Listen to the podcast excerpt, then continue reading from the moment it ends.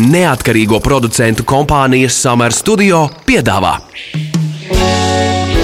Ķepa uz sirds par viņiem, mūsu pašiem labākajiem draugiem. Raidījumu atbalsta Borisa un Ināras Teterevu fonds. Labdien, labdien visiem ķepus sirds klausītājiem! Mani sauc Inese Kreitsberga. Un mani sauc Magnus Seriņš. Šis ir ķepus sirds raidījums, otrais jau. Vispār šajā gadā, jā, esam Latvijas rādio pirmajā studijā, un Mēs arī gribam pateikt to, ka ķepus sirds var sastapt arī mūsu sociālajos tīklos, ķepus sirds Facebook, Instagram, arī Twitterī, un arī savus jautājumus varat uzdot un savu pieredzi varat mums minēt arī e-pastā, rakstot info at ķepus sirds.lv. Šodien runāsim par aktuālo jautājumu, kā pareizi sadzīvot ar suni ģimenē, kurā aug bērni. Diemžēl joprojām ir biežas situācijas, kurās dzīvnieku uzvedība netiek pareizi nolasīta, dzīvnieks noreaģē, bērns tiek savainots un iznākumā jau šī dzīvnieka viedokli neviens vairs nejautā. Bet loģiski atbildīgi jau pie šīs situācijas ir paši vecāki. Nu jā, un kāda tad ir tā slavenā hierarhija ģimenē, kā kopā labi sadzīvot gan bērniem, gan suņiem? Un par to šodien diskutēsim ar dzīvnieku ekspertiem. Kinologs Ivo Svenne. Sveiki, Ivo! Sveiki. Ivo bieži tiek saukts palīgā uz īpašu sarežģītu situāciju. Ivo pats smējas, ka viņš remontēs suņus. Ja? Tā pareizi pateicu. Nu, jā, es tā izsakos. Un mums ir arī suņa audzētāja Laila Skrodele. Sveika, Laila! Sveiki! Laila ir 11 gadu akitu audzēšanas pieredze. Zinot to, ka suņi akitas ir ļoti īpaša šķirne, kuru pa, nu, neiesaka iesācējiem. Tā kā viņa mums ir eksperts šajā ziņā, un viņa ir, arī ir trīs bērnu mamma. Bet pirms mēs sākam sarunu, mums jānoklausās mūsu sagatavotais sižets. Ķepa uz sirds skaidro faktus Konflikts situācijas ģimenē, kur iesaistīts bērns un mājas mīlulis, bieži beidzas ar dzīvnieka nogādāšanu patversmē. Skaidrojums - mājas mīlulis pēkšņi esot kļuvis agresīvs. Dzīvnieku patvērsmes mežvairogi vadītāja Danuta Priede skaidro, ka visbiežāk nav izprastas mājdzīvnieka vajadzības. Dzīvnieks ģimenē ienācis, jo to vēlējušies bērni. Taču par četrkājainajiem draugiem atbildīgs var būt tikai un vienīgi pieaugušais. Visbiežākā kļūda, piemēram, kaķu gadījumā, ir tā, ka kaķim trūkst miera mājās. Viņam nav vietas, kur paslēpties. Parasti iztaujājot cilvēkus, nu, jautājumu, kurā brīdī šī agresija sākās, kas bija tas palēdēja mehānisms vai kā, kā tas notika. Kaut kā cilvēki nepamana, parasti tas viss palēnām akumulējās un uh, novada pie tāda bēdīga rezultāta, kad cilvēki sāk dzīvnieku saukt par agresīvu tikai tad, kad ir jau par traku ne visi ir gatavi mainīt savu dzīvi mājdzīvnieku dēļ. Un varbūt, kad nemaz nevajag, jo pienākums un atbildība ir viena lieta, bet atbildīgi sameklēt jaunas mājas arī ir atbildība. Jo, ja jaunās mājās šis dzīvnieks jutīsies labi un visi būs laimīgi, tad kur ir problēma? Nevajag piesiet mežā, nevajag izmest uz ielas, nevajag, es nezinu, pārmest pār žogu kaimiņam. Bet cilvēks uh, rēķinās, viņš zvana uz patversmi, viņš konsultējās ar speciālistiem, ja, un viņš pieņem atbildīgu lēmumu. Pirms iegādāties vai pieņemt mājdzīvnieku, būtiski saprast, vai pieaugušie spēs ieguldīt savu laiku viņa audzināšanā. 90% gadījumu dzīvnieku destruktīvā uzvedība ir saimnieka kļūda, 10% iedzimtība. Taču arī to var koriģēt ar audzināšanu un atbilstošu apkārtējo vidi. Mums ir jāsaprot, kādas ir dzīvnieku patiesās vajadzības. Tad nevis mūsu iedomātās vajadzības, ka viņam vajag gultā gulēt, smuku vestīti ar spīduļiem un, un ekskluzīvu barību, bet tas, ko tiešām vajag dzīvniekam gan suns, gan kaķis ir plēsēji. Viņiem ir jārealizē savi instinkti. Bērnu Kliniskās Universitātes slimnīcā ik gadu nonāk 200 līdz 300 dzīvnieku traumēti bērni. Šis gan esot mierīgais periods. Situācija parasti sāsinās pavasarī un vasarā. Tā novērojusi bērnu ķirurģe Ingūna Stirboviča. Nu, pirmkārt, cilvēks bērns dzīvo Rīgā, un tad viņš vasarā dodas uz laukiem pie omītes vai pie citiem radiem, un neviens jau viņam tā īsti nav izstāstījis, ka pie ķēdes suņu varbūt nevajadzētu līst sevišķi tuvu klāt, ka viņu nevajadzētu kaitināt, ka viņu, arī tad, ja tas suns nav pie ķēdes, nu, ka tas ir tas dzīvnieks jau, viņš tam dzīvniekam ir svešs, un nekad nevajadzētu iet klāt sunim, kurš ēd, Nu, tie pāris ļoti traģiskie gadījumi bija, ka tas viens arī bija vecmāmiņas suns, kad tas mazulis atstāts tāds rāpojošais vecums pie, pie vecmāmiņas, un tad, kad tas suns ēd, tad viņš rāpo pie tās bļodas klāt. Un tad viņi aiz tās kausta tādu vienkārši sagrābi un pamet nost, un, bet, nu, tas lielais asinsvads ir bojāts, un, diemžēl, tas iznākums ir pavisam bēdīgs. Jo tas suns jau tikai tā, nu, tā kā savējos audzinātu kucēnus, sagrābi aiz sprāna, aiz skausta un pamet prom, bet, bet, nu, cilvēku bērns nevienmēr ir tik ļoti izturīgs. Daktere atgādina, ka bērnu līdz septiņu gadu vecumam nedrīkst atstāt bez uzraudzības, par to paredzēta krimināla atbildība. Ikdienā šķiet, ka daļa vecāku to ir aizmirsuši. Par notikušo parasti atbildīgs ir pieaugušais, vai nu bijis nepieskatīts bērns vai mājdzīvnieks, vai abi divi. Man ir bijis tāds gadījums, kad aiziet ciemos un, un lielam, milzīgam, labsirdīgam Newfoundlandam apmēram pusstundu pūš purnā. Un šausmīgi smējās par to, kā viņš tur viebjās un griež galvu un prom. Un, un nu, visādi mēģina paust, ka nu, viņam nepatīk. Nu, un tad beigās pie tā viena pūtiena viņš to, to nu, kā tās lūpiņas uz priekšu tam, tam pūtējam, nu, viņš viņu tā maigi saņem un tā, nu, nu tā, nu, nedari man tā. Un tad ir ak šausmas un, un kā, kāpēc tas suns tā izdarīt. Daktere aicina vienmēr iedomāties sevi dzīvnieka vietā. Vecākiem būtu bērniem jāskaidro, kā nevajadzētu rīkoties dzīvnieka klātbūtnē, taču atzīst, ka bieži pašiem pieaugušajiem par to nav izpratnes. Ķerpa uz sirds, diskutē. Laila, uzreiz pie tevis. Kāda ir atšķirība, ja suns ir ģimenē un tad piedzimst bērns? Un otra situācija, ja bērni ir un tad ģimenē ienāks suns faktiski sunim ir grūtāk pirmajā gadījumā? Jo nu, tad viņi nomet no troņa nost, un viņš vairs nav tas pats svarīgākais ģimenē. Es domāju, ka milzīga atšķirība nav, vai suns ir ienācis pirmais ģimenē, vai pirmais ir ienācis bērns ģimenē. Ja tās attiecības saulēcīgi sakārto tā, ka suns nav uz troņa, ka viņš nav galvenais, tad nu, saimnieks pats sakārto šīs attiecības tālāk, gan ar sunu, gan ar saviem bērniem.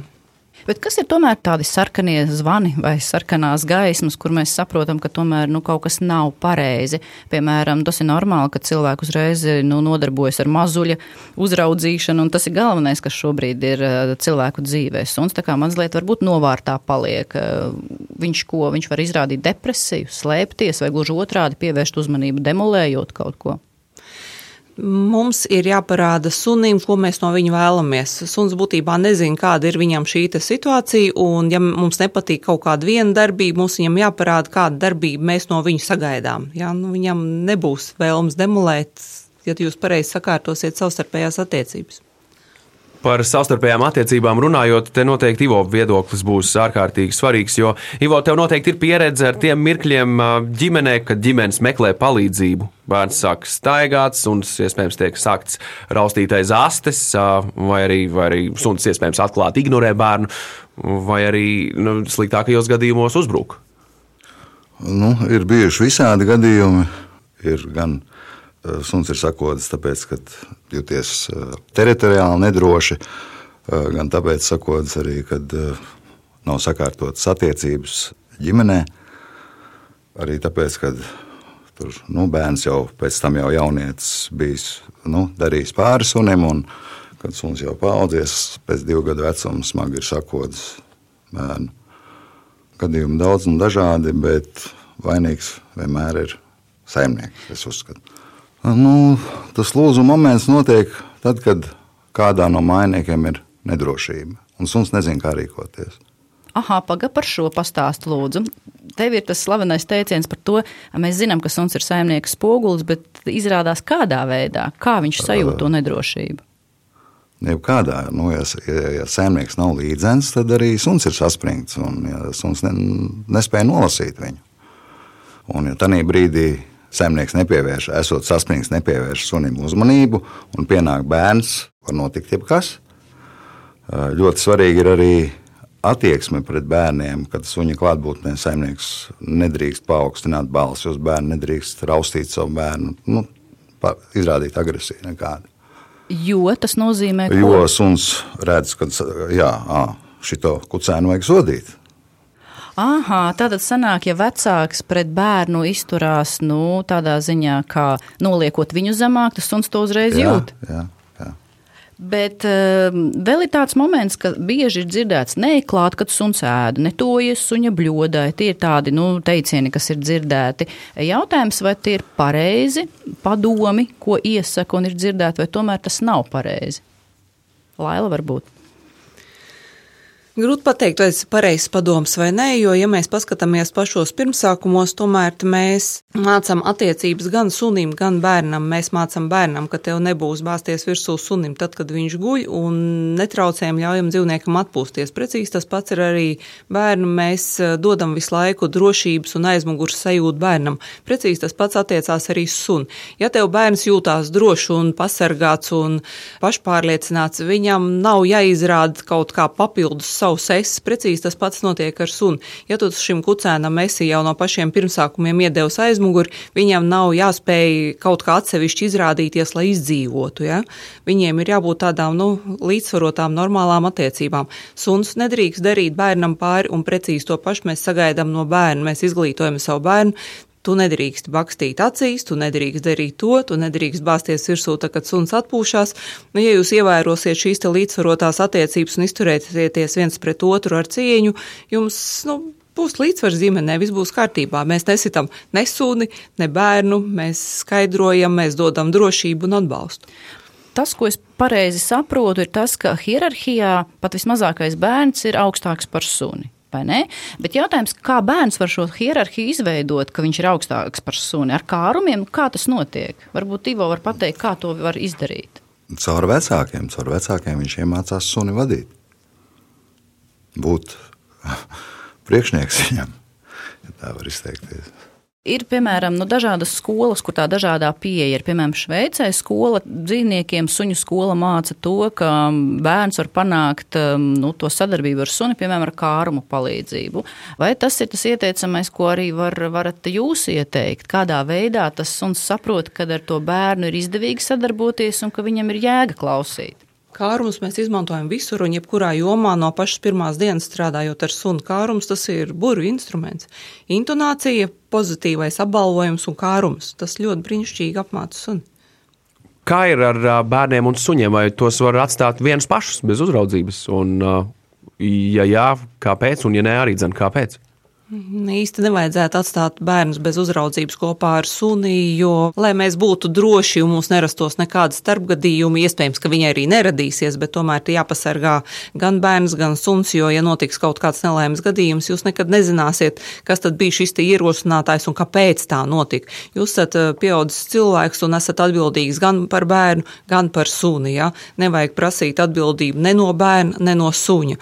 Jūs esat pieaudzis cilvēks un visa atbildība gulstas tikai uz uz jums. Ivo, vai tu vari izstāstīt, kas ir jādara tajā brīdī, mm, ja mēs redzam, ka suns uh, reaģē nu tā, teiksim, ar tādām brīdinošām izpausmēm uz bērnu, kā rīkoties tieši tajā brīdī?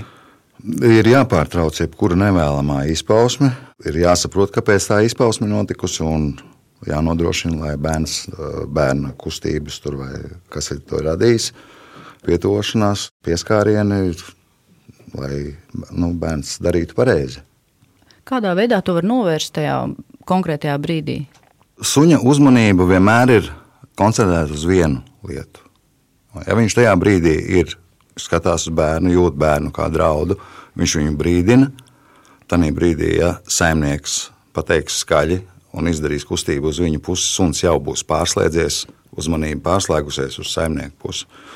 Un tālāk viņam ir tikai jāpasaka, kad ir jāpārtrauc šī darbība. Tu pazīsti kādu īpašu dzīvnieku draugu? Tavs kaimiņš vai kolēģis palīdz nelaimē nonākušiem suņiem un kaķiem? Varbūt kāds suns vai kaķis izmainīs tavu pašu dzīvi.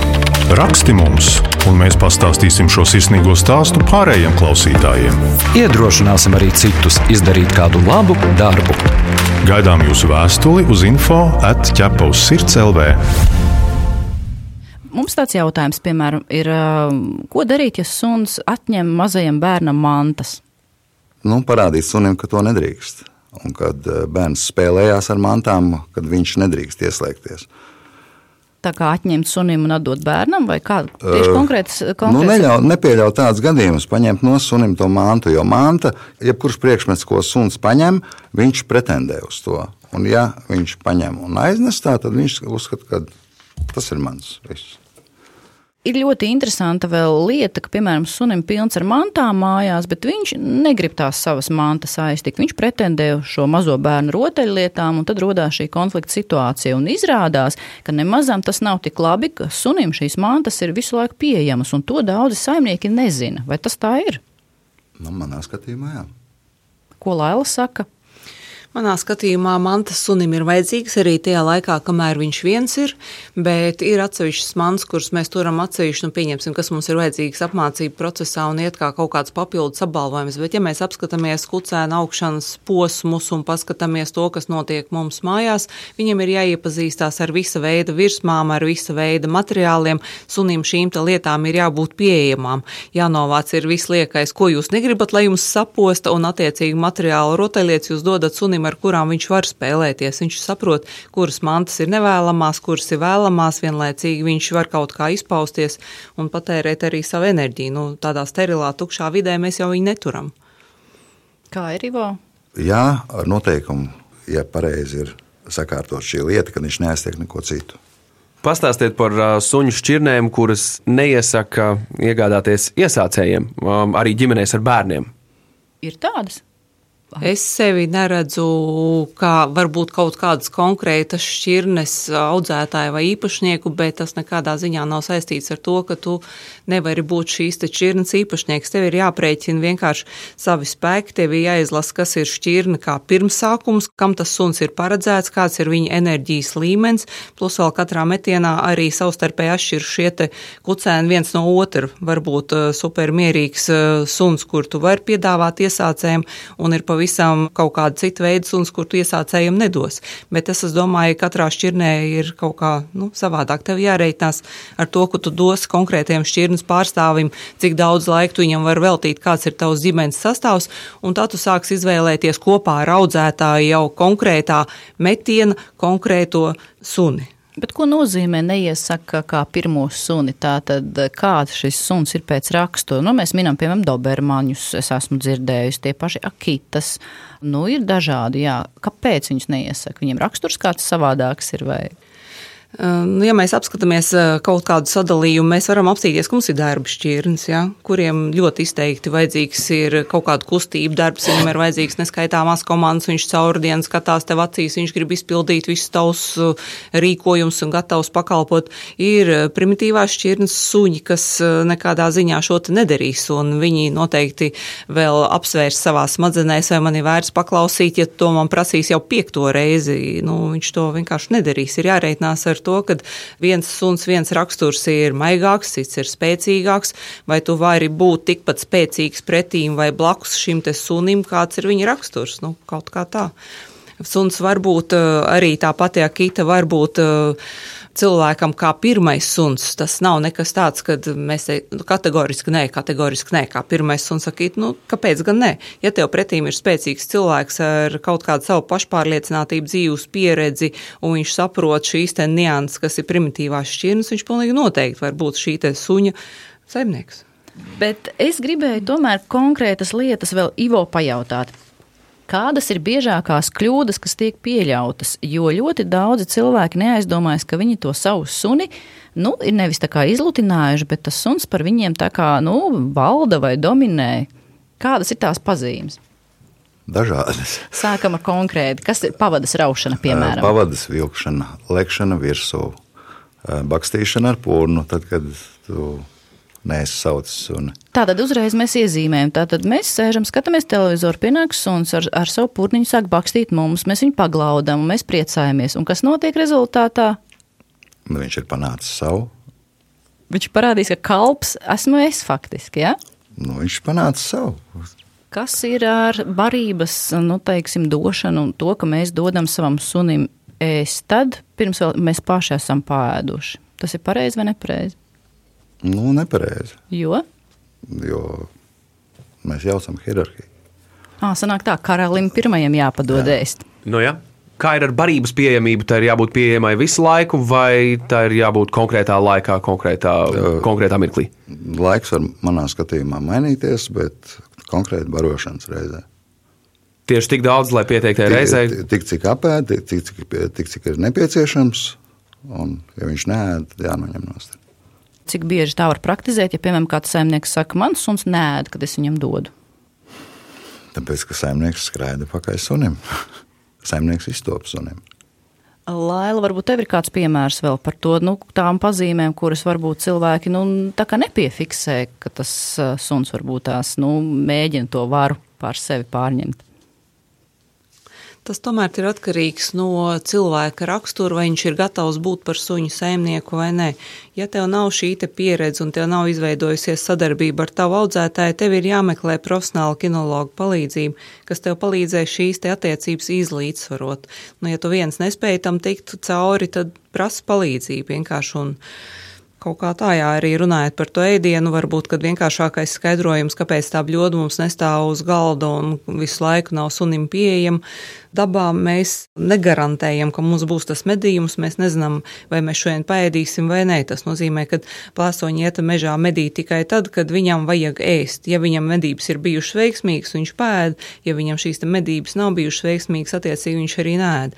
Mēs nedodam sunim to sapratni, ka ēdiens ir tik ārkārtīgi garantēts, ka viņš tur izlaižās un nedara vairāk neko. Tāpēc suns ir paēdis, ir viņa norma, mēs bļodu novācām un gaidām nākamo ēdienu reizi. Attiecīgi, ja mums ir kaut kāds apmācību process, tad mums parādās mūsu papildus bļoda, laikam jau nevis ar to ēdienu, ko viņš ēd kā parasto ēdienu reizi, bet kaut ko, kas palīdz viņu apmācīt un motivēt labāk kaut kādu darbību izpildīšanai.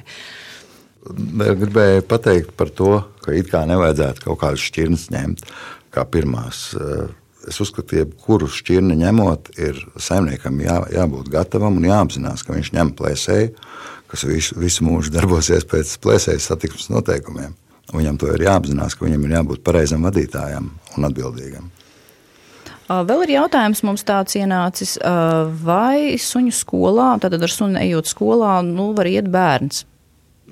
Kopā ar vecākiem, nu, es uzskatu, nu, no kaut kāda 13, 14 gadu vecuma bērns var sākt nākt ar suni viens. Vēl ir ļoti liela nozīme, tomēr, cik liels suns ir. Nu, kāda nu, ir tā ar, arī attiecība? Jā, tā bērns, suns arī... un kādā kondīcijā viņi atnāk mm. pie kinologa. Vai jau ar problēmu, vai vienkārši. Nu. Ideālajā pasaulē es saprotu, ka ik viens cilvēks, kurš iegādājas suni, uzreiz pēc pāris mēnešiem, kad saprot, ka ir kaut kas jādara, dodas uz suņu skolu izveido šīs īpašās attiecības ar savu mājdzīvnieku, un tālāk viss ir roždārs. Ja? Tā ideālā pasaule ir pavisam savādāk. Ja tā pasaule būtu tik ideāla, tad mēs nerunātu par šo jautājumu vispār. Tas nozīmē, ko? Kad audzētājs uh, ir izdomājis, viņam vajag kucēnus. Viņš izvēlās šķirnes pārstāvis, kurš viņš grib redzēt kopā. Ideālā variantā, ja abi divi vecāki viņam ir bijuši jau pieejami blakus, kur viņš uztais ģenētiskos testus un visādi veidu pārbaudas, un apzināmies, jā, šis dzīvnieks ir foršs, un viņam ir tādas un tādas raksturiezīmes, viņam ir tādas šitādas eksterjeru iezīmes, viņš ir vesels, man viss ir baigi super. Tad mums piedzimst kucēni. Kaut kādā brīdī mēs jau zinām, kad pie mums nāks šie potenciālie kucēnu saimnieki, un mēs zinām, kādu ģimeņu saturs, sastāvs viņiem tur ir. Tas nozīmē, ka priekš viņiem konkrēti mēs izvēlēsimies no metiena konkrēto kucēnu. Un konkrēti ar šī kucēna potenciālo saimnieku un nākotnes saimnieku mēs strādāsim visa viņa dzīves garumā. Mēs viņam sniegsim atbildes uz tiem jautājumiem, kādi viņam parādīsies. Plus audzējot kucēnu, mēs no pirmās dienas dosim viņam pieskārienus, dažādu veidu kustības, dažādu veidu temperatūras, dažādu veidu virsmas. Kucēns aizējot uz jaunajām mājām ir sagatavots mājai, videi, kurā viņš dzīvos. Ja, viņš zina, kas ir katliņš, kas ir krūzīte, kas ir kafijas automāts, kas notiek, ka krīt bļoda, kādas ir skaņas. Tā ir tā vide, ko viņš jau ir iepazinis, un viņš aiziet pie cilvēku uz mājām, kur tas viss ir priekšā. Viņš jūtās jau kā mājās, sagatavotā placdarmā. Tas bet, ir ideālais variants. Bet re, kā notiek, mēs sižetā dzirdējām, ka patversmes vadītāji teica, ka 90% gadījumu saimnieks vainīgs pie dzīvnieku agresijas un 10% nu, ģenētiskie. Bet tomēr jāsaprot, ka ir ļoti riskanti nu, pirkt uh, it kā šķirnes dzīvnieku no nezināmā audzētāja, jo nevar jau zināt, kāds tas socializācijas laiks ir bijis, tas, ko tu minēji, un ja viņš nav bijis, tad faktiski nu, tas suns arī ir tāds bumba laika degli ģimenē ar bērniem, piemēram.